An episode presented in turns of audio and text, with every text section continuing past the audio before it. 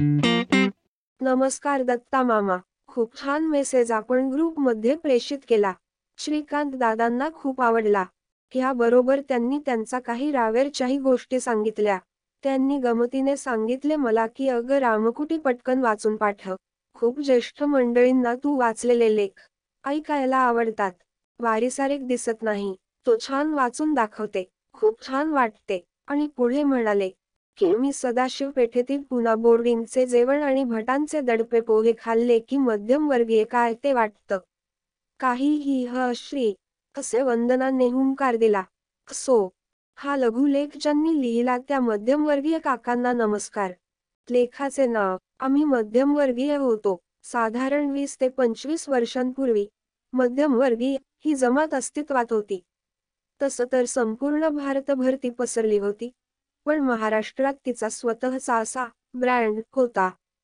घरात एक कमावता पुरुष दोन तीन भावंड नवरा बायको कुठे कुठे आजी आजोबा क्वचित प्रसंगी भाचा पुतळा शिकायला अशी एकूण कुटुंब संस्था होती.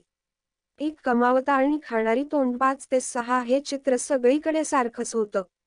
काही ठिकाणी महिला वर्ग नोकरीसाठी बाहेर पडला होता पण आजच्या इतका नाही. म्हणूनच की काय घर हिच्या यावर स्त्रीवर्गाची सत्ता होती. एक हाती सत्ता पण तिथलं तिचं स्वतःच एक गणित होतं. पक्क गणित त्यावरच सगळे हिशोब जुळत होते.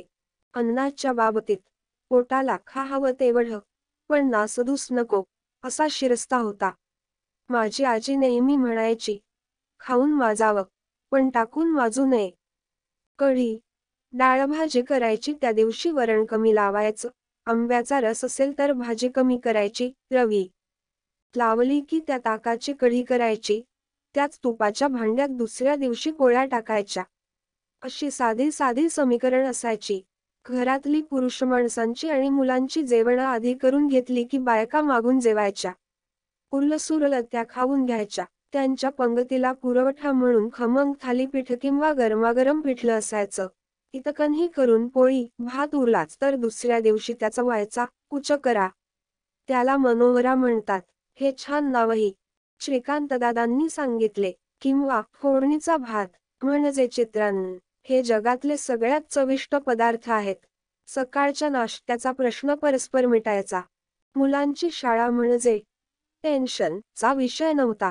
आपली साधी मराठी शाळा दोनशे ते तीनशे रु वर्षाची फी पण युनिफॉर्म पुस्तके आपले आपल्याला घ्यावे लागायचे. जरा मोठा धाटा युनिफॉर्म घेतला की सहज दोन वर्ष जायचा. पुस्तकांचा जरा जुगाड असायचा.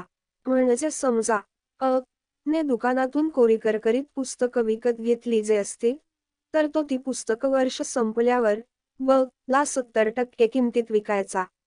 अन मग ब तीच पुस्तकं क ला चाळीस टक्के मध्ये विकायचा. Purchase cost selling cost depreciated value हे कामापुरतं अर्थशास्त्र सगळ्यांनाच येत होतं. एकदा विकत घेतलेली पुस्तकं तीन वर्ष सर्रास वापरली जायची. तीच गोष्ट वह्यांची. मागच्या वर्षीच्या वह्यातील कोरी पाने काढून त्या शिवून त्यांची वही करून गणिताच्या रफ कामाकरिता वापरायचो. परीक्षेत काळ काम वेगावरची गणित संदर्भासहित अर्थ वीस पंचवीस ओळीचा निबंध हमखास असायचा. पुस्तकाच्या या तीन वर्षाच्या प्रवासात कधी कधी बेगम हजरत महल पहिल्याबाई अशा दूरदृष्टीच्या व्यक्तिमत्वाला चष्मा लागायचा. कोणाला दागिने मिळायचे तर कोणाला दाढी मिशी यायची आणि हे असे उद्योग बकपैकी कोणीतरी नक्कीच करत होतं. बंगालच्या उपसागरात हमखास दोन तीन जहाज फिरत असायची. पण शाळेत असताना ते मॉरिशस अंदमान निकोबार केरला बॅकवायटर अशी डेस्टिनेशन्स मला नकाशात सुद्धा कधी भेटली नाहीत. पुस्तकातल्या रिकाम्या जागा भरा जोड्या जुळवा अशी बिनडोक कामे सहसा अ करून मोकळा व्हायचा म्हणूनच की काय त्यानंतर बाळणिक यांना फक्त चित्रकलेतच स्कोप उरलेला असायचा. आणि त्याचा प्रत्यय पुस्तकाच्या पानापानावर यायचा. शाळेचा युनिफॉर्म असल्यामुळे खूप कपडे लागत नसत. मोठ्या भावा बहिणींचे कपडे घालणं त्यांचे दप्तर स्वेटर वापरणं यात इगो बिगो कोणाचा आड येत नव्हता. स्वेटरचा तर मोठा प्रवास असायचा. त्यातही लहान बाळाचं स्वेटर कपडे दुपटे जमल्या इतके फिरायचे की त्याचा मूळ मालक कोणीही कोणाला आठवायचं नाही.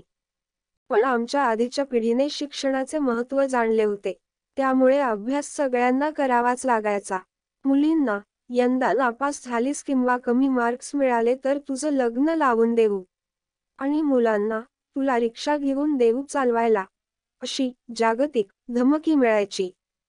बारावी नंतर कुठल्या शाखेकडे जायचं? कोणता कोर्स करायचा? घरातल्या मोठ्या दुरुस्त्या उपवर उपवधू यांना आलेली स्थळं. प्रपोजल्स हे आजच्या काळातले हायली पार्सनल इश्यूज त्या काळात बिनदिक्कतपणे गोलमेज परिषद भरवून चर्चिले जात. हातपाय पसरायला लागते. तेवढीच काय ती प्रत्येकाला घरात स्पेस बाकी सगळा लेकुरवाळा कारभार. आठवडी बाजारातून भाज्या आणणे किराणा आणणे. लांबच्या लग्नाला हजेरी लावणे हा बाबा लोकांचा प्रांत होता. प्रत्येक बाबांच्या तीन चार तरी R D L I C काढलेल्याच असायच्या आणि त्यासुद्धा बहुतेक वेळा एजंटवरील प्रेमाकोटी बाकी शेअर्स म्युच्युअल फंड वगैरेचा एजंट त्या काळी उदयाला आलेला नव्हता. आणि कोणी काही वेगळ्या स्कीम आणल्याच तर अगदी पाचच मिनिटात त्याच्या उत्साहाला अन्न पर्यायानं त्याच्या कमिशनला सुरुंग लागायचा. शेअर मार्केट म्हणजे जुगार हा समज अगदी पक्का होता. फॅमिली डॉक्टर हा एक जिव्हाळ्याचा विषय होता. प्रत्येक कुटुंबाचा वेगळा डॉक्टर असायचा. आजीच्या दम्यापासून ते बाळाच्या तापापर्यंत सगळ्या व्याधीवर त्याच्याकडे औषध असायचे. तसे ते डॉक्टर पण नीतिमत्ता वगैरे बाळगून होते. उगाच आजच्या सारखं भारंभार टेस्ट अन सोनोग्राफी करायला सांगायचे नाहीत. गरज असेल तरच करूया. पेशंटला परवडेल आणि यांचा दवाखाना पण चालेल असा त्यांचा व्यवहारिक पवित्र असायचा. जसा फॅमिली डॉक्टर तशीच एक फॅमिली बोहारीण पण असायची. पण ती फक्त आईची मैत्रीण बाकी कोणी तिच्या वाट्याला जात नसत. आई सगळे जुने कपडे एका गाठोड्यात बांधून ठेवे. मग ही बोहारीण एका दुपारी अवतरायची. आधीच दुपारच्या झोपेचं खोबर झाल्याने आई जरा वैतागलेली असायची. भलं मोठं कपड्यांचं गाठोड विरुद्ध चहाची गाळणी अशी. तहा ला सुरुवात व्हायची. तिची गाळणी खपवायची घाई. तर आईचा मोठ्या पातेल्यावर डोळा. खूप घासाघीस करून डील चहाच्या पातेल्यावर फिक्स व्हायची. ह्या कार्यक्रमात दोन ते तीन तास आरामात जायचे. शेजारच्या सगळ्या आत्या मावशी काकू या वाटाघाटीत सक्रिय सहभाग घ्यायच्या. शेवटी त्या नवीन चहाच्या पातेल्यात चहा व्हायचा आणि मगच सगळं महिला मंडळ परागंदा व्हायचं खरं सांगू का? मध्यमवर्गीय ही काही परिस्थिती नाहीये. ती वृत्ती आहे. साध्या सरळ कुटुंबवत्सल पापभिरू माणसांची. मध्यमवर्गीयच आहेत या समाजाचा कणा. ते आहेत म्हणून तर या समाजात चांगल्या वाईटाची चाड आहे. आम्ही आहोत नियमित कर भरणारे वाहतुकीचे काटेकोर नियम पाळणारे आणि प्रत्येक निवडणुकीत मतदान करणारे. असे आम्ही सगळेच मजेत होतो बघा. अचानक एकोणीसशे नव्वद ते एक्क्याण्णवमध्ये जागतिकीकरणाचे वारे वाहू लागले. ते आमच्या पर्यंत यायला दहा ते बारा वर्षे गेली पण तोपर्यंत त्या वाऱ्याच वादळ झालं होत. अन मग त्या वादळात उडून गेलं आमचं मध्यमवर्गीय पण. प्रेमळ मिळून मिसळून राहणारे सामाजिक बांधिलकी जपणारे आम्ही. अचानक प्रोफेशनल झालो. माणसा माणसातलं आपले पण कोरड झालं. कालांतराने ते भेगाळलं. पुढे पुढे त्या भेगांच्याच भिंती झाल्या. Busy schedule deadlines projects go live अशा गोंडस नावाखाली आम्ही ते स्वीकारलं. गलेलठ्ठ पॅकेजेसमध्ये गुंडाळल्या गेला आमच्यातला चांगुलपणा प्रेमळपणा आणि आपलेपणा सुद्धा एक मध्यमवर्गीय श्रीकांत दादानी सांगितले की लीन मॅन्युफॅक्चरन ही प्रणाली म्हणजेच मध्यमवर्गीय वृत्ती. डाऊन हा शब्द लक्षात ठेव म्हणाले. मी म्हटले मला माहीत आहे याचा अर्थ. अर्थात श्रीकांत दादांनी याचे रहस्य सांगितले. डी म्हणजे डफेक्ट ओ म्हणजे ओव्हर ओव्हर प्रोडक्शन डब्ल्यू म्हणजे वेटिंग इन म्हणजे नॉन युटिलाइज टॅलेंट टी म्हणजे ट्रान्सपोर्टेशन आई म्हणजे इन्व्हेंटरी एम म्हणजे मोशन म्हणजे एक्स्ट्रा प्रोसेसिंग हे सगळे लॉसेस कमी करणे म्हणजेच लीन त्यांना खूप अभिमान वाटतो मध्यमवर्गीय असण्याचा. मायेचा ओलावा आणि व्यवहार ज्ञान यातूनच शिकलो असे म्हणत दादा कंपनी व्हिजिटसाठी निघाले. संपूर्ण. आपल्यासाठी रामकोटी पॉडकास्ट असेच छान छान मेसेज ऑडिओ स्वरूपात घेऊन येत आहेत. म्हणजे मीच रामकोटीच वाचून दाखवते.